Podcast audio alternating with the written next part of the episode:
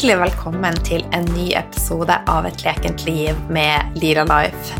Podkasten med de gode og hjertevarme tipsene for ei leken og balansert helse. Det sies at alle gode ting er tre. Og i dag så er hun Eva, som er naturterapeut, med for tredje gang. Og tidligere så har vi snakka om mikrobiom, og vi har også snakka om sopp og parasitter, som også er en del av mikrobiomet vårt. Hva er egentlig et mikrobiom? Dette har jeg og Eva snakka om, men bare for å oppklare sånn enkelt, så er det ei samling av mikroorganismer. Det er bakterier, virus, det er encella parasitter, en del sopparter, noen alger. Og de her er en del av oss, og de lever på indre og ytre overflate. Og de er i stor grad med å påvirke hvordan vi som mennesker har det, rett og slett. Og i denne episoden så går jeg og Eva B.E. Andersson i litt mer i sømmene her og prata om hvordan påvirker mikrobiomet hormonene våre? Hvordan påvirker det vår psykiske helse? Hvordan Er det noe sammenheng mellom SIBO og mikrobiom? Er det noe sammenheng mellom mikrobiom og månefaser? Altså det, vi går inn på så utrolig mye spennende. Så jeg gleder meg veldig, veldig til å dele en ny episode om mikrobiomet med deg, og jeg håper at, at det faller i smak, og at du kjenner at dette, ja, dette kan jeg rett og slett relatere meg til og ta inn over meg at mikrobiomet er en veldig viktig del av meg av oss alle. Og jeg vil si at det er kanskje en av de aller viktigste nøklene for ei leken og balansert helse. En annen ting som jeg har skrevet mye om på Instagrammen min i det siste, og også brukt mye tid på å tenke på sjøl, er kompliserer vi ting for mye? Helt ærlig så har jeg sjøl komplisert veldig, veldig mye. Og jeg tror at vi kommer lenger med å senke skuldrene og komme litt tilbake til, til naturen, rett og slett, og prøve å få tankene våre litt Se for deg at altså hodet vårt Vi har jo en hel haug med tanker i løpet av en dag. Og det er nødvendigvis ikke bare positivt, for at vi er fra naturens side, så det er lettere for oss å tenke negative tanker. Eh, og vi kan på samme måte som vi trener opp musklene våre, trene opp hjernen vår. Og det er veldig viktig. Men en annen ting vi kan trene oss på, er jo å klare å flytte fokuset fra hodet og mer ned i kroppen vår. Og være mer til stede i kroppen uten å tenke så mye. Og da vil jeg si at pusten er jo et veldig nyttig verktøy for å klare det. Altså Pusten den går av seg sjøl, men samtidig så har vi en mulighet til å påvirke pusten vår. Og pusten er også noe av det viktigste for helsa vår, og det påvirker også mikrobiomet.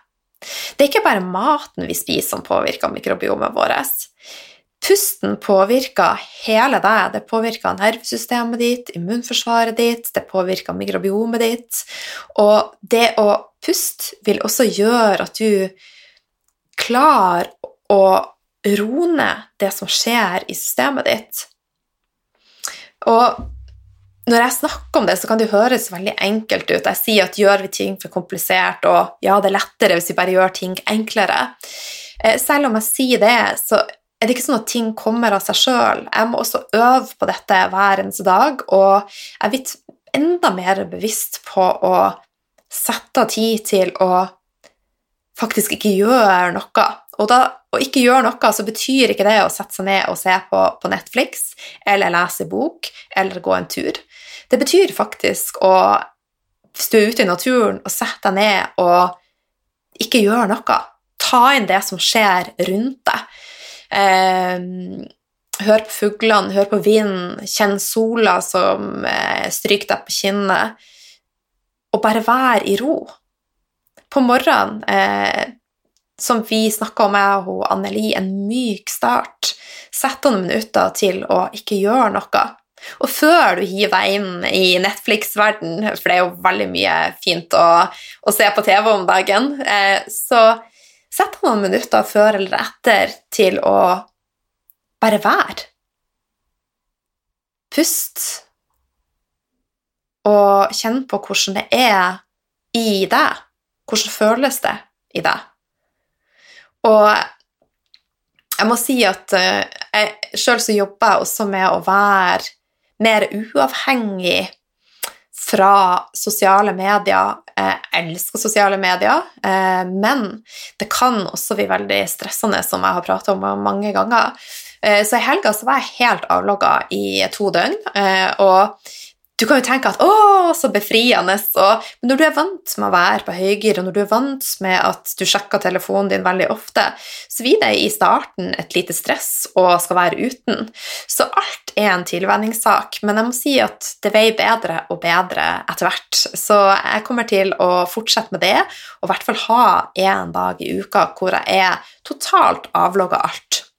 Hvis vi ser litt sånn historisk, eh, så, så, er det ikke mange årene siden mail kom. Eh, det var på eh, midten av 90-tallet. Før det så var det fasttelefon, og kanskje det fantes sånne enorme mobiltelefoner som man kunne bære, som så ut som en sånn verktøykasse. Jeg vet ikke om noen husker det.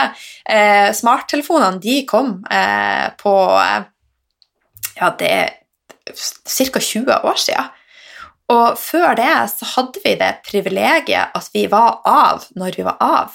I dag, etter vi har fått smarttelefonene, så er vi mer på enn vi er av, og det påvirker mikrobiomet vårt. Det påvirker alt. Så jeg er en forkjemper for at vi skal litt tilbake til eh, Ikke til steinalderen, men å ta eh, Ikke friheten vår, men ta Jo, friheten vår, og ta tilbake den tida der vi var litt uavhengig og ikke ble reminda om at vi burde, skulle, måtte og tenke at vi er on the go hele tida.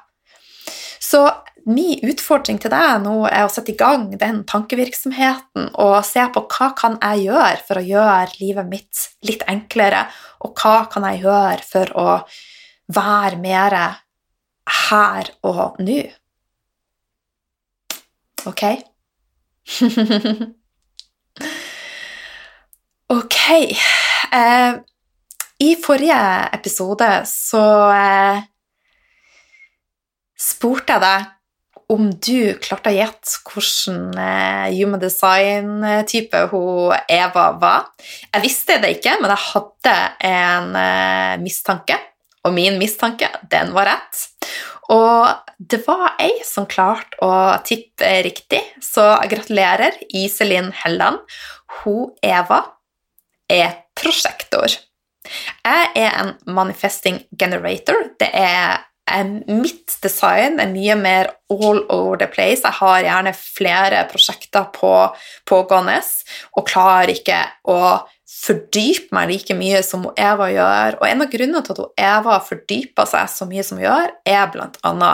prosjektor. Eh, hennes. Da. Så det er utrolig, utrolig spennende. Eh, jeg har bare også lyst til å ta et annet eksempel eh, på manifest, ikke manifestet på human design-type. Tuppen, hun, Trine Berge, hun er det som heter manifester. Eh, og det vil si at hun er en igangsetter, så hun setter gjerne i gang prosjekter og er veldig på. Og så har hun behov for å trekke seg tilbake og være av. Så det går litt mer sånn i sykluser. Men en manifesting generator vi er, vi er på, på, på, på, på. Sånn at for meg så handler det veldig mye om å klare å å manøvrere det her batteriet mitt som er ongoing hele tida. Men vi vet jo at hvis vi er på hele tida selv, om jeg er en manifesting generator, så vil det komme et skifte der vi ikke orker mer. Så hvis ikke vi lytter til kroppen vår, så vil kroppen vår si fra på et eller annet punkt. Så det, er, det med human design er veldig, veldig, veldig spennende. Og husk at eh, du kan eh, abonnere på podkasten fra det ene til det andre. det har jeg faktisk aldri eh, nevnt før, eh, men eh, du kan abonnere, og det vil si at du hver torsdag får en, eh, en ny episode av meg inn i din, enten om det er podkaster eller iTunes du bruker. Og så kan du høre akkurat når du ønsker det.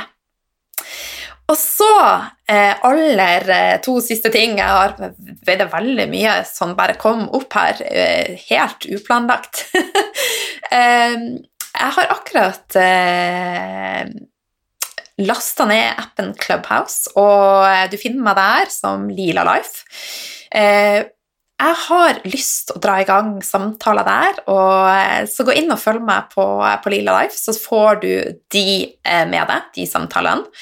Um, og så på mandagen den 15. mars så holder jeg et gratis webinar om eteriske olje. Og eteriske olje er veldig viktig i, eh, i, livet mitt.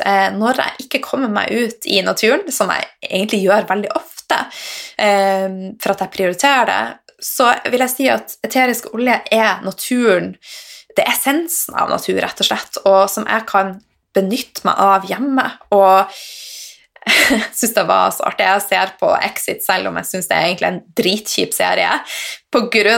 at det er så mye elendighet. Men det gir meg et sånn fantastisk perspektiv på hvor, eh, hvor bra jeg syns livet mitt er, og hvor jeg elsker at livet mitt er enkelt, og at jeg aldri har noe drive om at jeg skal eh, bli verken rik, famous eller eh, det ene eller det andre jeg er så content og happy med et enkelt liv. Um, så i hvert fall så har Doterra nådd exit, så det var jo litt artig.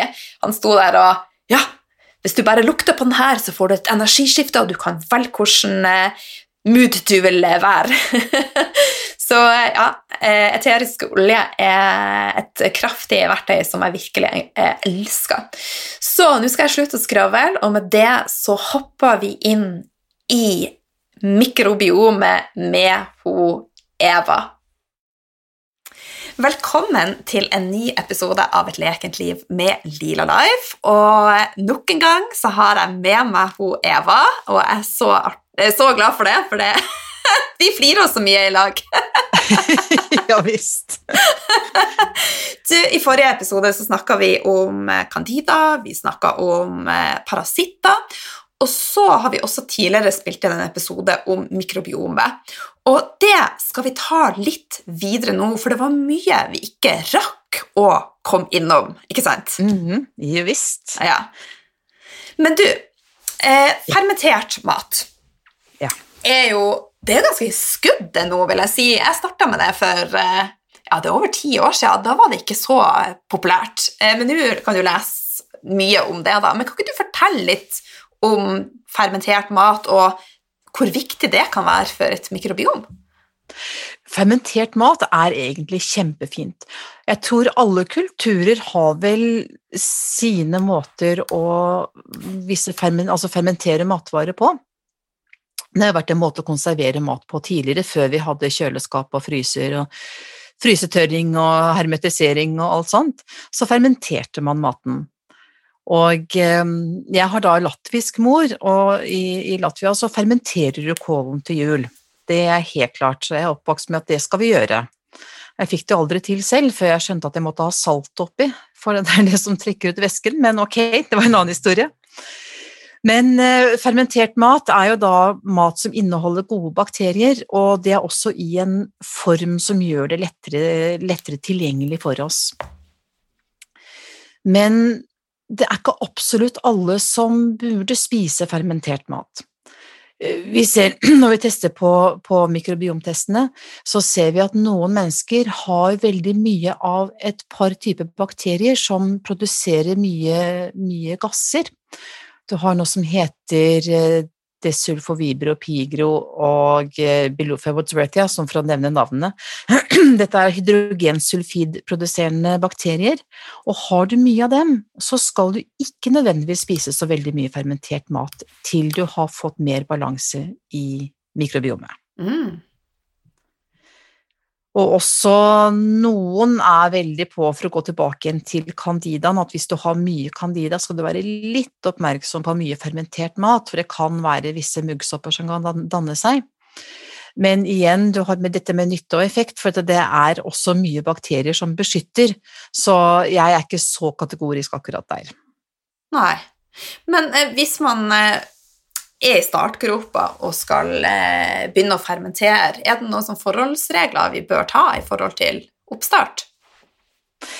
Nei, det er vel stort sett normal, vanlig altså renhold av det utstyret du bruker. At ikke du får noe, noe dårlige dårlig bakterier inn der. Mm.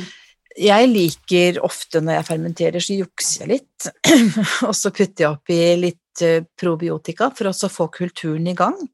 Da tenker jeg at jeg kanskje styrer bakteriene litt i retning av de, de bakteriene jeg gjerne vil ha mye av. Ja. Men bør vi begynne sånn gradvis? Ja, noen kan få mye oppblåst mage og sur mage hvis de begynner å spise mye fermentert mat først. Mm. Så det å begynne forsiktig Og jeg liker også det med at vi kan fermentere forskjellige ting, ikke bare kål. Eh, det er godt med kål, absolutt.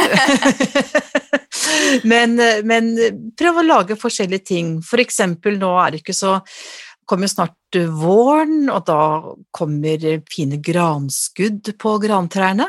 Kan vi gå og knipe av litt granskudd, og så kan vi fermentere det sammen med ingefær. Det er kjempegodt. Oi. Ja, også spennende og morsomt og godt og både For granskudd er veldig fullt av C-vitaminer. Så vi kan både ha det i smoothie, eller vi kan bruke det på pålegg til kjøttmat, til vilt for eksempel. Det er kjempegodt med fermenterte granskudd ved siden av. Spennende. Masse gode næringsstoffer. Kimchi av forskjellige årsaker. En koreaner hadde ikke akkurat kalt det kimchi, det jeg holdt på med på kjøkkenet, men jeg, jeg kaller det kimchi. Men da har vi litt sånn masse forskjellige grønnsaker og ingefær, chili, hvitløk, alt sånt oppi. Eh, så for at de forskjellige grønnsakene vil også fremme forskjellige bakteriekulturer, så vi får tilbake det mangfoldet som jeg er litt ivrig på å snakke om. Mm. Men eh, jeg syns jo sjøl å fermentere kål og gulrøtter og sånn er veldig enkelt, for da rasper jeg det, bruker salt og fingrene. Men det å fermentere andre ting syns jeg er litt mer komplisert når jeg ikke får lov å kna. Eh, hvordan gjør du det? Da bruker jeg stort sett en saltlake. Ja. Jeg heller over. Og det er vel jeg tror det er sånn ca. 60 gram på liter nå. Jeg, tror jeg, jeg er ikke helt sikker, jeg mener det er ca. det jeg bruker. Ja. Noen spiseskjeer. Og så og har det oppi, og så gjerne godt Himalaya-salt. Men det som er viktig å passe på når du fermenterer, er å passe på at alt er dekket av væske. At du har en vekt mm. på, så du presser det ned. For hvis det er noe som blir liggende oppå væsken, så vil det begynne å mugne. Da ødelegger du hele partiet. Ja. Ja, for jeg har opplevd sjøl at det er vi muggent selv om jeg har gjort de her forhåndsreglene, men jeg skal gi deg en sjanse til, altså. Gjør det. Ja, jeg også har klart å mugne mye rart, jeg, ja, altså. Så. mye, mye, fint i søpla her. Ja, men det som, eh, som er litt interessant, er jo at sånne her type kulturer, de påvirkes jo av eh, omgivelsene, de påvirker av energier, de påvirkes av også månesykluser. Eh, så hvis det er f.eks. en heftig krangel i huset, så kan jo det drepe en kultur, kan det ikke det? Ja, det, det er eh, Det har jeg ikke prøvd, faktisk. Jeg er ganske heldig å ha et ganske harmonisk eh, liv og en harmonisk familie. Ja, så bra. Men du kan jo snakke ned både planter og, og bakterier og mm. vann Altså vann, det som er interessant, er jo liksom, tårer kan ha forskjellige strukturer, avhengig av følelsen til den som da feller tårene. Mm. Eh, kjempespennende. Så ja. ja. ja. Alt henger sammen. Alt henger sammen. Ja. Du, men da hopper vi litt videre nå. Vi snakka litt ja. om det med fermentert mat og opp mot mikrobiomet vårt. Eh, mm. Neste tema, hormoner.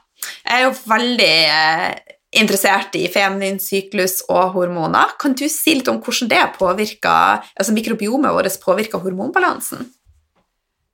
Det er egentlig ganske spennende. Det er en del forskning på det. Det er nok eh, mye vi tror, ikke nødvendigvis så mye vi vet. vi vet at vi lager en del hormoner og signalstoffer i, i tarmen.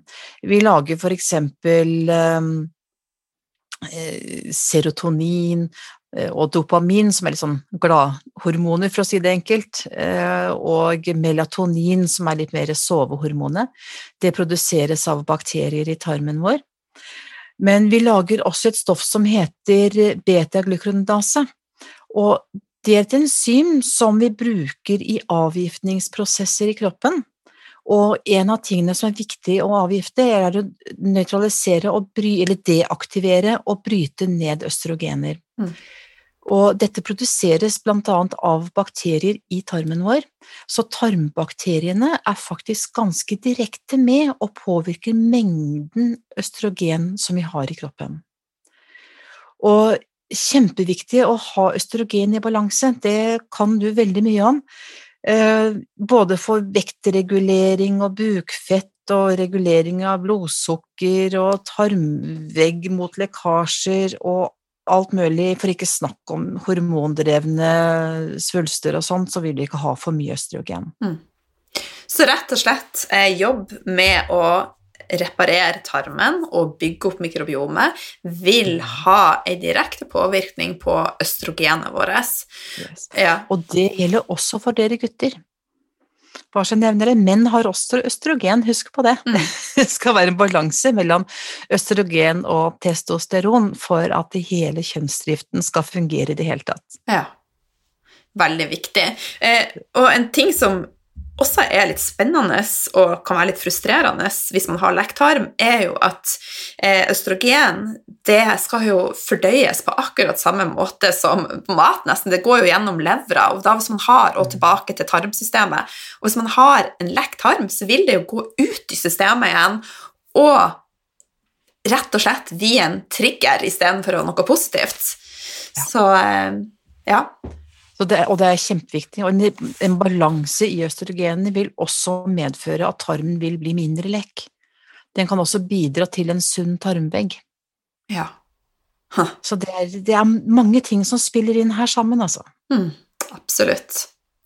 Ok, da går vi litt videre. Dette er litt sånn speed-dating, rett og slett, med forskjellige temaer innenfor eh, mikrobiomet vårt. Mm. Eh, du har også nevnt at enkelte bakterier er med og fremmer vektreduksjon. Kan ikke du fortelle litt om det? Jo, vi har forskjellig fylum, kalles det for, forskjellige hovedgrupper med bakterier. Og de to største her er en som heter firmicutes og bacteroidetes. Og firmicutes, eh, firm and cute, som jeg har lært å si, Eh, nå husker vi det bedre. De er veldig flinke til å ekstrahere Altså, de fordøyer maten, og så serverer de oss kalorier. Hvis du har mye av dem, og lite bakteriodetes, så vil du ha mye lettere for å legge på deg. Og det er vel noe av grunnen til at jeg har blitt litt sånn flink til å gå på tur hver morgen, eh, er å, for å få aktiviteten i gang i kroppen, for det liker bakteriodetesene bedre.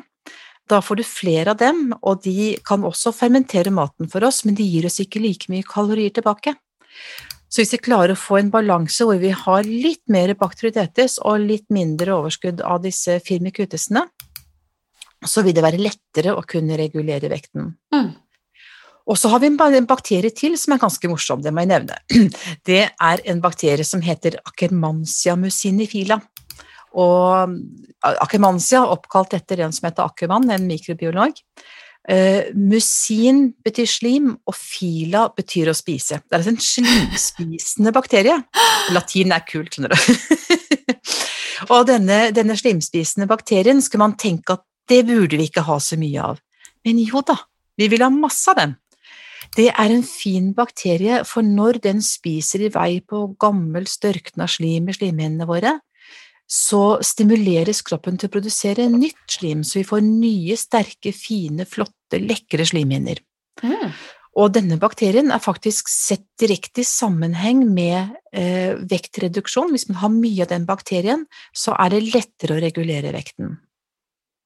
Wow! og, yes, og et lite tips for den bakterien, den er veldig glad i omega-3-fettsyrer. Oi! Og omega-3-fettsyrer er jo også en veldig betennelsesdempende ting vi kan putte i kosten ganske enkelt.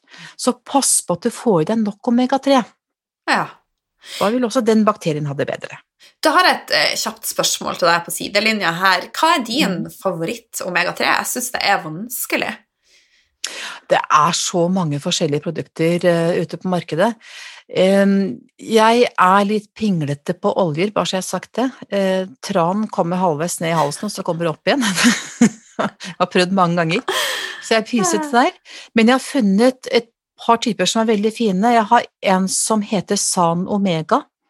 Og eh, han, Vegard som har laget denne her, han er omtrent like nerd som meg. Så han har satt seg veldig nøye inn i hvor han setter sammen oljer, og det er et godt produkt som faktisk smaker godt og er lett å svelge. Mm. Og samtidig, nå kan jeg skryte av ham forresten, det inneholder også Q10 og D3 og K2 og sånt som er veldig viktig, i, spesielt i disse tider. Ja. Jeg kjenner til han Vegard, og han er også veldig dyktig på sitt fag, så det har du helt Flink, ja, har du helt absolutt.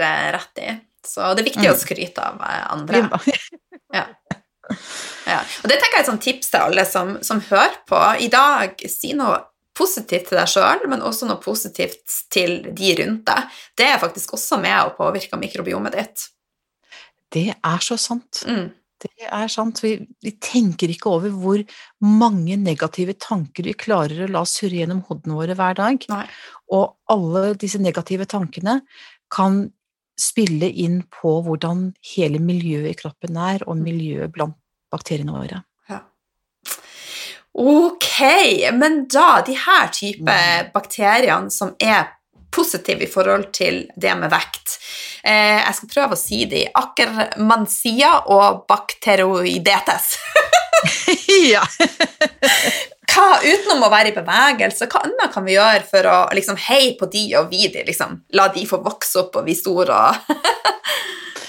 det er uh, igjen dette her med å spise rikelig med variert mat og varierte fibertyper. Ja. De er også veldig glad i det. Um, Bakteriodetesene de liker også litt proteiner, litt rent kjøtt og ren fisk og sånn type ting. Det syns de er ganske stas også.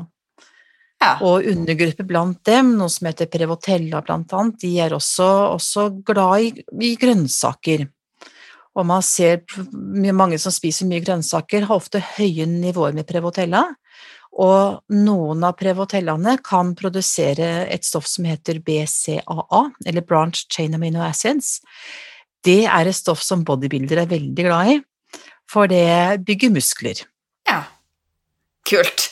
og, det, og for, for mer muskelmasse så vil du også forbrenne lettere og enda lettere å holde vekten. Ja. Men da har jeg også en sånn liten fun fact eh, å komme med. For jeg leste en artikkel yeah. om gulrøtter, at det var utrolig eh, positivt for eh, østrogenproduksjon, da, å få den rette balansen. Og da tenker jeg gulrot er jo òg bra for å bygge opp mikrobiomet, så det å spise økologisk gulrot om dagen det er bra for magen. det syns jeg var et veldig godt tips. Aldeles. Det er supert. Jeg putter alltid en økologisk gulrot i matpakken til sønnen min. Så lurt. Hver dag. Det er kjempefint. Ja. Han må innrømme at han har aldri i sitt liv fått antibiotika. Nei. Så han har sikkert et veldig godt mikrobiom. Ja, så bra. Bra jobba, Eva. Hey. du, um, et tema som jeg akkurat eh, har hatt på podkasten, er angstlidelser. Og jeg har hatt med meg ei dame som har slitt masse med angst, men som har klart ved hjelp av livsstil bl.a. å, å jobbe seg til en veldig mye bedre hverdag.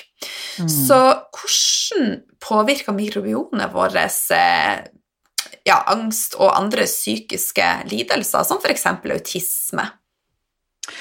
Det er en ganske stor rolle man ser der du har hvis jeg skal ta, nevne et par ord om angst først mm. eh, Jeg tror vi i den første episoden snakket litt om bakterier som eh, man ser mangler ved depresjon og angst. Mm. Noen bakterier som produserer gode signalstoffer som gjør at vi føler oss bedre. Men vi har også bakterier som lager noe som heter GABA. Eh, gamma aminobutyric acid. Og GABA er et stoff som vi bruker i eh, nervesystemet vårt til å roe ned stress, mm. roer ned overaktivitet. Hvis du tenker deg kanskje et epilepsianfall som en sånn der ultimat overreaksjon, hvor signalene bare fyrer og fyrer og fyrer og fyrer. Eh, der kan man gå inn og gi GABA, det gjør man ofte, legene gjør ofte dette her, for å prøve å roe ned det. Men veldig mange av oss kan ha litt lite av de GABA-produserende bakteriene, og kan ha godt av å tilføre GABA ekstra ved siden av. Eller enda bedre, prøve å få mer av de bakteriene. Mm. Det kan ha en litt sånn beroligende effekt på oss.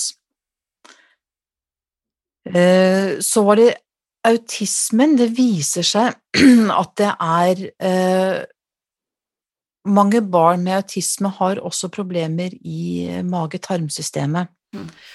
Og man har sett spesielt en bakterie som heter clostridium bolta, Eh, oppkalt etter eh, en som het Ellen Bolt, som, eh, en, som hadde en sønn som var frisk og rask og naturlig, og begynte å få en del problemer med ørene, og ble satt på den ene antibiotikakuren etter den andre, som til slutt ødela mikrobiomet helt. Og han eh, fikk da veldig mye tarmproblemer, og etter hvert begynte å utvikle autistiske, autistiske tegn. Og hun forsket mye på dette her selv, og fant fram til disse klostridiene som tydeligvis var veldig økt hos sønnen sin. Og flere andre har tatt opp dette her senere og forsket videre på det, og funnet ut at dette er bakterier som man ser går igjen hos en del barn med autisme. Og det er faktisk såpass mye at de jobber med å prøve å lage en vaksine mot akkurat denne bakterien, Clostridium bolta. Mm. Det er ganske interessant. Ja, veldig. Man ser sammenhenger eh, mellom fysisk, altså mellom mage-tarm og også, også atferdsendringer. Mm. Kjempespennende. Nei, folkens, vi er nødt til å bare kjøre på og få bygd opp et veldig sterkt mikrobiom her. Det er det vi må. Vi må altså tenke mer på når vi spiser, så spiser vi ikke bare for oss. Vi spiser faktisk også for alle disse leieboerne vi har inne i systemet vårt. Mm. Og hvis, du, altså vi, hvis vi spiser søppelmat, så fôrer vi søppelbakterier. Sorry, men sånn er det. Mm. Og søppelbakteriene de vil ha mat, så da får du lyst på mer søppelmat. Ja. og jeg syns det var så fint eh, hun, eh, Siri Hole Stensson, jeg vet ikke om du kjente henne, men hun var med meg for noen episoder siden, og eh, vi prata om glad mat, og så hun bor alene. og hun sa at jeg bor alene, og det er jo enda viktigere at jeg lager meg god, glad mat for å ta vare på meg sjøl, og så på det som å spise naturlig mat som en spirituell ting. Så på akkurat samme måte som å meditere og hun tenker at altså, er, kroppen er jo vårt eh, hus. Så eh, ja. Så fantastisk. Og der ligger det lærdom til så mange som ikke gidder å lage mat til seg selv. For mm. det, det, er jo mer kjedelig å lage mat til seg selv alene. Men det er jo da man burde prioritere det. Mm. Ja, hun hadde klart å vri det til at hun ikke syntes det var kjedelig lenger. Hun bare tenkte at det, det, var ja, rett og slett på samme måte som å bevege seg, og det var det viktigste hun kunne gjøre for seg sjøl, så det veier en positiv greie. Mm, så ja. supert. Mm. Så bra. Ok, histaminer er jo et uh, tema som Det har jeg faktisk ikke prata om på podkasten, men uh, Det er mye, mange som sliter med bl.a. matvarer som inneholder en del histaminer. Uh, aller først, hva er histaminer? Vil du bare forklare det? Histaminer og også tyramin er noe som man kaller for biogene aminer. Og det er stoffer som er i visse matvarer som noen kan reagere mer på enn andre. Og eh, det er stoffer som vi har naturlig i kroppen, bl.a tyramin trenger vi litt både inngår vel i produksjon av serotonin, er med å regulere blodtrykk og en del sånne ting. Men hvis du har en overreaksjon på, dette, på disse stoffene, så kan det trigge migreneanfall, eller histamin kan trigge allergireaksjoner, og det er ikke like heldig. Mm. Eh, vi har også bakterier, disse det er ting vi ser på mikrobiomtestene. Noen har mer bakterier som produserer disse biogene aminene, og de er da mer i faresonen for å utvikle en overfølsomhet for dem. Og disse biogene aminene de finner man spesielt i eh, en del Det kan være i fermentert mat, det kan være i spekeskinke, rødvin, øl, eh, modne oster. Eh, Så en del som sliter med migrene, kan ha nytte av å kutte ned på disse matvarene. Mm. Mat som blir stående, si du er på en buffé, og der ser du noen ordentlig lekre reker eller noe skalldyr som står der, og så vet du ikke helt hvor lenge har de stått der, kan det, kanskje de har vært en stund. Eh, Da skal du være litt forsiktig med å spise, for det danner seg ganske fort i, i sånn type produkter. Ja, men da er det jo da at mikrobiomet er viktig her også for nedbrytninga av de her Ja. biogene aminene. Vi har bakterier både som produserer biogenaminer, og vi har bakterier som bryter ned biogenaminer. Mm. Så vi vil gjerne ha kanskje litt flere av de som, eller i hvert fall en balanse mellom dem, sånn at vi ikke blir stående med et overskudd av disse biogenaminene i kroppen vår. Ja. Så uansett nå hva vi har pratet om, så kan vi føre det tilbake til mikrobiomet vårt. Ja, er ikke det gøy? Jo, jo, jo. Så tenk at eh, dropp alle kurs om histaminer og litt sånn, altså gå heller på tarm og mikrobiomet og se det store bildet. Det er viktig. Ja, for jeg tror du er vel helt tilbake, til Varke Hippokrates som, eh, som sa at all sykdom begynner i tarmen. Mm. Og jeg tror jeg, det tror jeg er så riktig, Mm. hvis du ser på dette her. Vi tenker jo litt um, hvordan er det vi møter verden, og de største flatene vi møter verden med på utsiden, tenker vi må jo være huden. Og den er vel liksom et par kvadratmeter. Men vi møter også verden med lungene, vi puster luften inn eh, i lungene, der møter vi det. Mm. Men også i tarmen vår, alt vi spiser, altså tarmen er jo innsiden av utsiden. Absolutt. Utsiden av innsiden, for å si det sånn. Ja, ja. Og det er jo dekker vel et sted mellom én og to fotballbaner, tror jeg, så er det en kjempeflate. Så der skal vi passe på, hvis vi har et godt miljø der, så møter vi verden på en mye lettere måte. Mm. Yes, da hopper vi videre.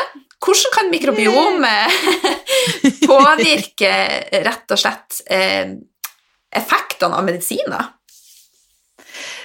Det er ganske spennende. Eh, Vi har, vi har noen bakterier i, i tarmsystemet vårt som hjelper oss å omdanne stoffer. Og vi kan se det både i forhold til for eksempel, eh, man kaller det for onkomikrobiologi, tror jeg det heter. Eh, Det viser seg at når man skal behandle noen da med cellegift er mot kreft, så kan de egentlig forutsi hvor godt de kommer til å reagere på behandlingen ut ifra sammensetningen av mikrobiomet. Er det noen bakterier du mangler, så omdanner du stoffene dårligere og kan få en mindre god effekt av medisinene enn om du har disse andre bakteriene til stede. Men det samme gjelder faktisk også uh, urter og urtetilskudd.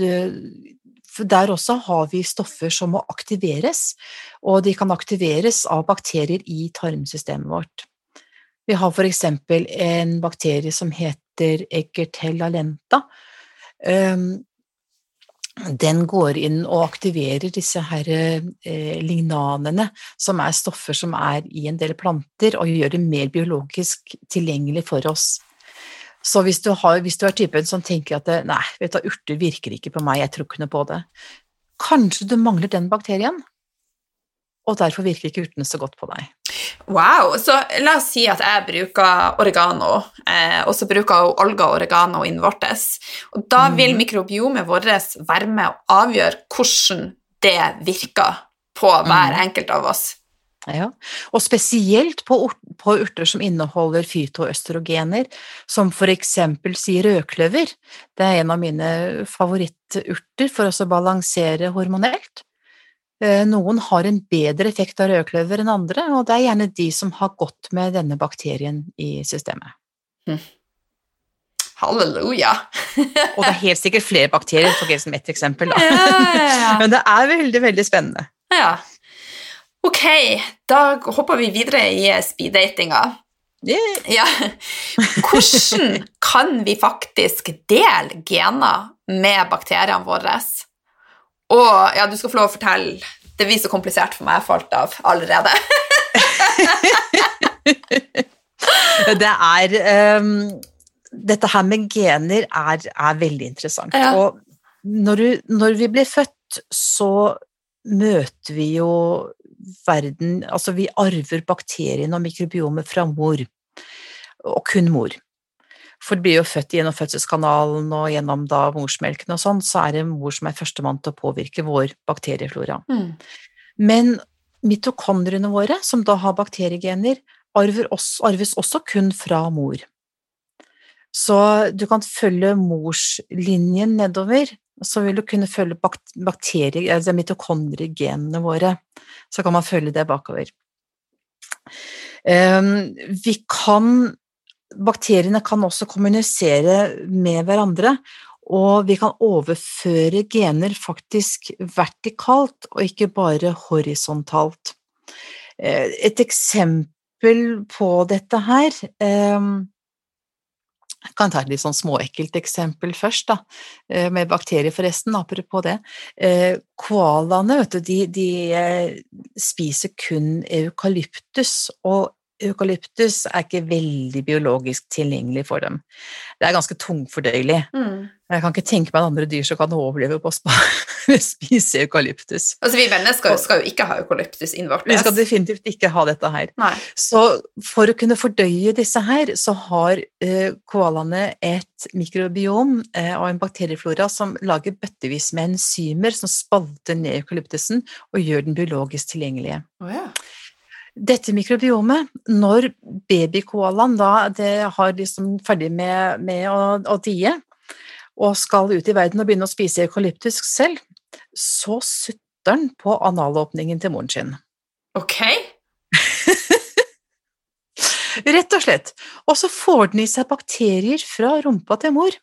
Og i de bakteriene så sår det et mikrobiom til den der lille babykoalaen, som kan begynne å produsere enzymer, som igjen kan gjøre at det kan fordøye eukalyptusen. Wow. Litt gøy. Nå slipper heldigvis vi å gjøre det, men eh, vi, har bakterier som, som eh, vi bruker, som vi kan få inn fra, fra maten vi spiser, som hjelper oss til å tilføre gener som kan bryte ned maten. Mm. Og eksempler der også har man jo sett dette her at du har bakterier eh, som vokser i tang og tare.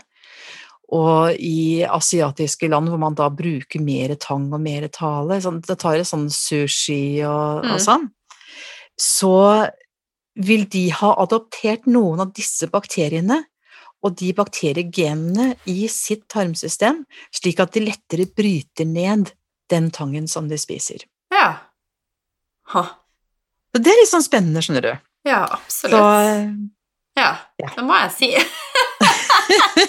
det, det blir litt teknisk, men, men, men, Nei, men du forklarer det veldig fint, sånn at eh, det syns jeg du er en mester på. Du gjør nerdete ting. Altså, jeg er også ganske nerdete, men jeg er ikke så nerdete som du, og det eh, Det tror jeg også skyldes eh, Nå kan det hende jeg er helt på jordet, men jeg har altså, Human design tilbake til det jeg i forrige episode, så spurte jeg jo litt om de eh, ja, ville tippe hvordan design du er, da. Og Mm. jeg er en manifesting generator, sånn at jeg er ikke en som går veldig i dybden. Jeg er litt sånn som liker å holde på med mange ting, og det skal være artig. Eh, mens prosjektor er mer sånn som går inn i dybden og er sånn generelt er veldig nerdete. Så er det en sånn følelse av at du kanskje er det. Eh, Det kan kanskje være borti det området der, ja. Ja. Men det skal vi finne ut av, altså. Det skal vi finne ut av. Ja. Men du, helt på tampen, eh, så har jeg lyst til at du skal snakke litt om SIBO. Det er eh, ganske mange som sliter med SIBO, og jeg tror også det er mange som kanskje har SIBO uten å vite om det. Og jeg har aldri snakka om SIBO i podkasten, faktisk. Så eh, vær så god, Eva. Jo, tu, tusen takk. Eh, Jeg, ikke, jeg er ikke noe ekspert på SIBO, det må jeg si. vi Eh, Jeg kan si noen ord om det. Mm. SIBO står da for Small Intestinal Bacterial Overgrowth, og det vil si at det er for mye bakterier på steder de ikke skal være. Mm. Og bakterier de følger eh, eiendomsreglene ellers og de. Det er beliggenhet, beliggenhet, beliggenhet. Vi vil gjerne ha fryktelig mye bakterier på de riktige stedene, og litt mindre bakterier på de ikke så riktige stedene. Mm. Eh, vi har, alle har bakterier i tynntarmen, bare så det er sagt. Vi, vi, har ganske mange bakterier. Jeg har lest noen tall en gang, men jeg skal ikke prøve å referere det, for da blir det bare Jeg kan ta feil. Men uh, vi skal ikke ha så veldig mange av dem. Nei. For i tynntarmen så skal vi ha mer av vårt eget opptak og utnyttelse av næringsstoffene. Og det vi selv ikke klarer å fordøye i tynntarmen, det skal havne ned i tykktarmen, og der skal mesteparten av bakteriene stå klar og fermentere videre på de fibrene og de stoffene vi ikke klarte å utnytte mm. fra næringen, og servere oss videre næring derifra.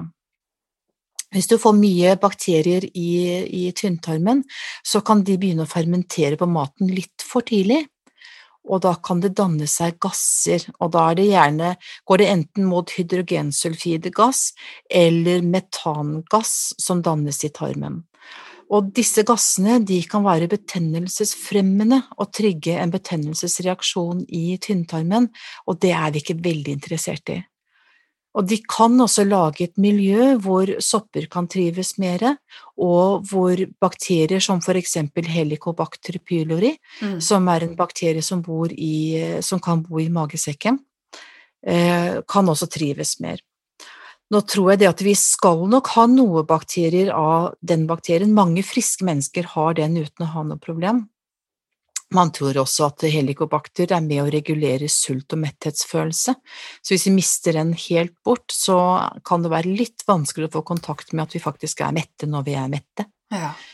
Uh, uten å gå inn på disse hormonene leptin og grelin, som er en annen historie. Ah. um, men som sagt, dette med bakterier og hvor bakteriene bor, er, eh, er en veldig viktig del. Og har du, har du SIBO og har du mye hydrogensulfidproduserende bakterier eh, for langt opp i tarmsystemet, så må du være litt forsiktig med hva du tar av tilskudd. Fordi at det som ellers kan være veldig sunt, som for eksempel store mengder fermentert mat eller store mengder probiotika, særlig sånn eh, flytende form, mm. Eh, kan være litt dårlig, for det fôrer bakteriene på feil sted. Skjønner. Jeg vet jo, sånn så eh, Eplesidereddik er jo en stor tilhenger av, og det er jo òg fermentert, så jeg har jo opplevd at det er veldig mange som er litt dårlige, f.eks. å ta startdagen med lunka vann med eplesidereddik. Hvis du har skibo da, så kan du bli kjempedårlig. Ja, da er det bedre å bruke sitron. Mm. Absolutt. Det, er, det, det, det, det, kjenner man jo. Altså, en kjenner ofte hvis du går rundt og småraper og mm. altså, hvor, hvor, kommer gassen ut? Hvilken ende kommer gassen ut? Ja. Ja. Har du mye SIBO, så dannes det gass ganske langt opp og gir en veldig ubehagsfølelse og press, press ganske langt oppe i tarmen. Mm. Skjønner. Men det ikke at dette er, Ja, bare vær så god. Sorry, Line. Uh, liksom igjen tilbake igjen til, til mengder, for det, det, vi skal ha bakterier, det er bakterier der. Vi skal ikke ha for mange av dem, men vi skal ikke ha for mange på de feil stedene. Nei. Mm. Spennende. Så jeg tenker at dette med SIBO skal få gått gjennom eh, også litt grundigere på én episode. Eh, ja. ja. jeg tenker at det er, litt, det er litt viktig, men jeg syns du forklarte det veldig, veldig godt. Og eh, at du ikke har god kunnskap om det, det er bare tull og vas. Alt jeg hørte, hørtes veldig rett ut og klokt ut. jo, men det er nok eh, Det, det, det fins forskjellige tester for SIBO, og da kjører man gjerne pustetester. At man ser da mengder av gasser i, i pusten som man da har. Ja. Så da er det noen leger som, må, og behandlere som har spesialisert seg veldig på akkurat det. Mm. Så jeg liker å se litt på hele mikrobiom og hele miljøet under en helhet. Jeg da tenker at det også er lurt. Ja. Men det ene utelukker ikke det andre. Man skal ha øynene opp for alt her. Ja, lurt. Hvis, helt på tampen, er det noe du vil tilføye eh, i forhold til det vi har gått gjennom nå med mikrobiomet? Eh, jeg kunne snakke i timevis. vi har snakka i timevis. det er Ikke som jeg kommer på helt akkurat nå. Jeg tenker Nei. jo litt tilbake på dette her med ja, vi må, når vi gjør forandringer for oss selv og for kroppen vår, så tenk langsiktig. Ja. tenk, tenk fremover dit. Alle kan gå i det med sånn crash diet, og så, og så har man bedret miljø for en kort periode. Uh, man har Altså, tenk hvis jeg, hvis jeg, klarer å gå ned i vekt, uh, så bør ikke jeg gå tilbake igjen til kosten jeg hadde før jeg gikk ned i vekt, for da vil jeg bare gå opp igjen. Mm. Og se på det hvis du har et kosthold og et levesett som gjør at miljøet i kroppen blir dårligere, så er det ikke bare å ta en tre måneders diett og forandre på det. Tenk langsiktig. Mm. Vær gjerne streng de første månedene for å kickstarte en kur og kickstarte en rens. Men tenk på sikt at du skal leve med bakteriene dine resten av livet, og lenger, faktisk. De skal få leve med deg lenger, og leve av deg lenger. Sånn at vi vil at de skal ha et godt miljø, for da vil de lage et godt miljø for oss kloke ord. Helt, helt på tampen så skal du få lov å si kort noen ord om eh, månefasene og candida og, eller parasitter. For det snakket, vi snakka jo om parasitter i forrige episode. Og da hadde jeg tenkt å spørre deg om det, men så glemte jeg det. Så ja. ja. Det, det, det, er, det, er, litt spennende, egentlig. Mm. Hvis du ser rundt i naturen, så ser du veldig, veldig mange som følger månefasen i livssyklusen sin. Mm. Jeg tror de har påvist at det til og med er mer elgpåkjørsler er rundt fullmåne. Wow. Eh, de ser på Og det er, ikke, det er helt uavhengig om månen er ute eller ikke, altså det kan godt være overskyet. Om det er fordi at elgen er ute og vandrer mer, eller om det er fordi at vi er mer ukonsentrerte, det skal jeg ikke si. Men nå, det er flere ulykker rundt fullmåne. Jeg tror de ser på fødeavdelinger at det ofte er flere fødsler rundt fullmåne. Så du har fisk legger egg i fullmåne, du har skilpadder som kun legger egg i fullmåne. Så det er altså mange som følger månefasen i livssyklusen sin. Også mikrober. Eh, parasitter også kan følge månefasen, og spesielt en familie parasitter som heter protozoa. De ser ut til å følge månefasen. Og eh, så stort sett de som føler seg mer oppblåst i magen og litt gufne og rapete og prompete og sånn fra fem dager før til fem dager etter fullmåne, er sånn typisk for i den gruppen der som har parasitter. Og så se sykliske, altså når det kommer tilbake igjen, man sier at ja, jeg, jeg er bra noen uker, og så er jeg dårlig noen uker, og så er jeg bra igjen noen uker, så prøv å se på kalenderen, så ser du veldig ofte sammenfallere med fullmåne. Og tenker på den månen, det er jo en svær stein som er ganske langt ute i rommet. Jeg tror det er en 350 000-60 000 km ute i rommet eller noe sånt noe. Og om parasitten er inni eller utenpå kroppen vår, den er akkurat like påvirket av månefasen for det. Spennende. ja. Jeg er litt sånn, eh, Nå ble jeg litt sånn Når var det jeg krasja? Var det fullmåne? Gå tilbake igjen og se. Jeg prøver å finne ut av det, men eh, ja.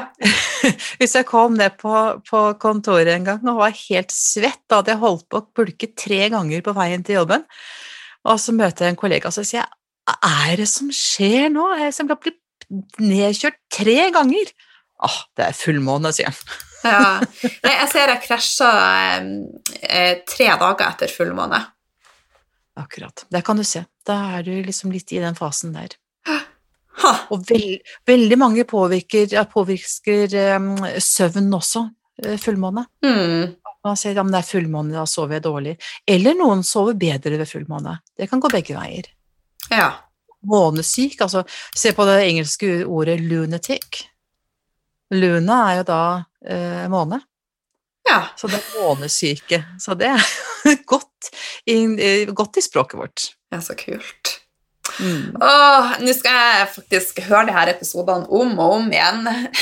altså, jeg lærer så, mye, lærer så mye nytt eh, hver gang jeg snakker med deg, så det er så fantastisk. Så, så eh, Eva, tusen hjertelig takk for at eh, du tok deg tid til å spille inn to episoder med meg.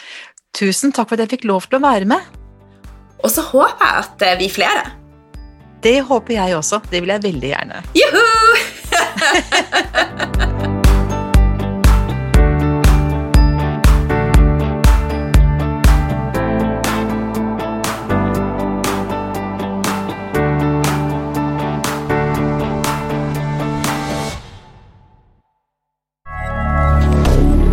moderne media.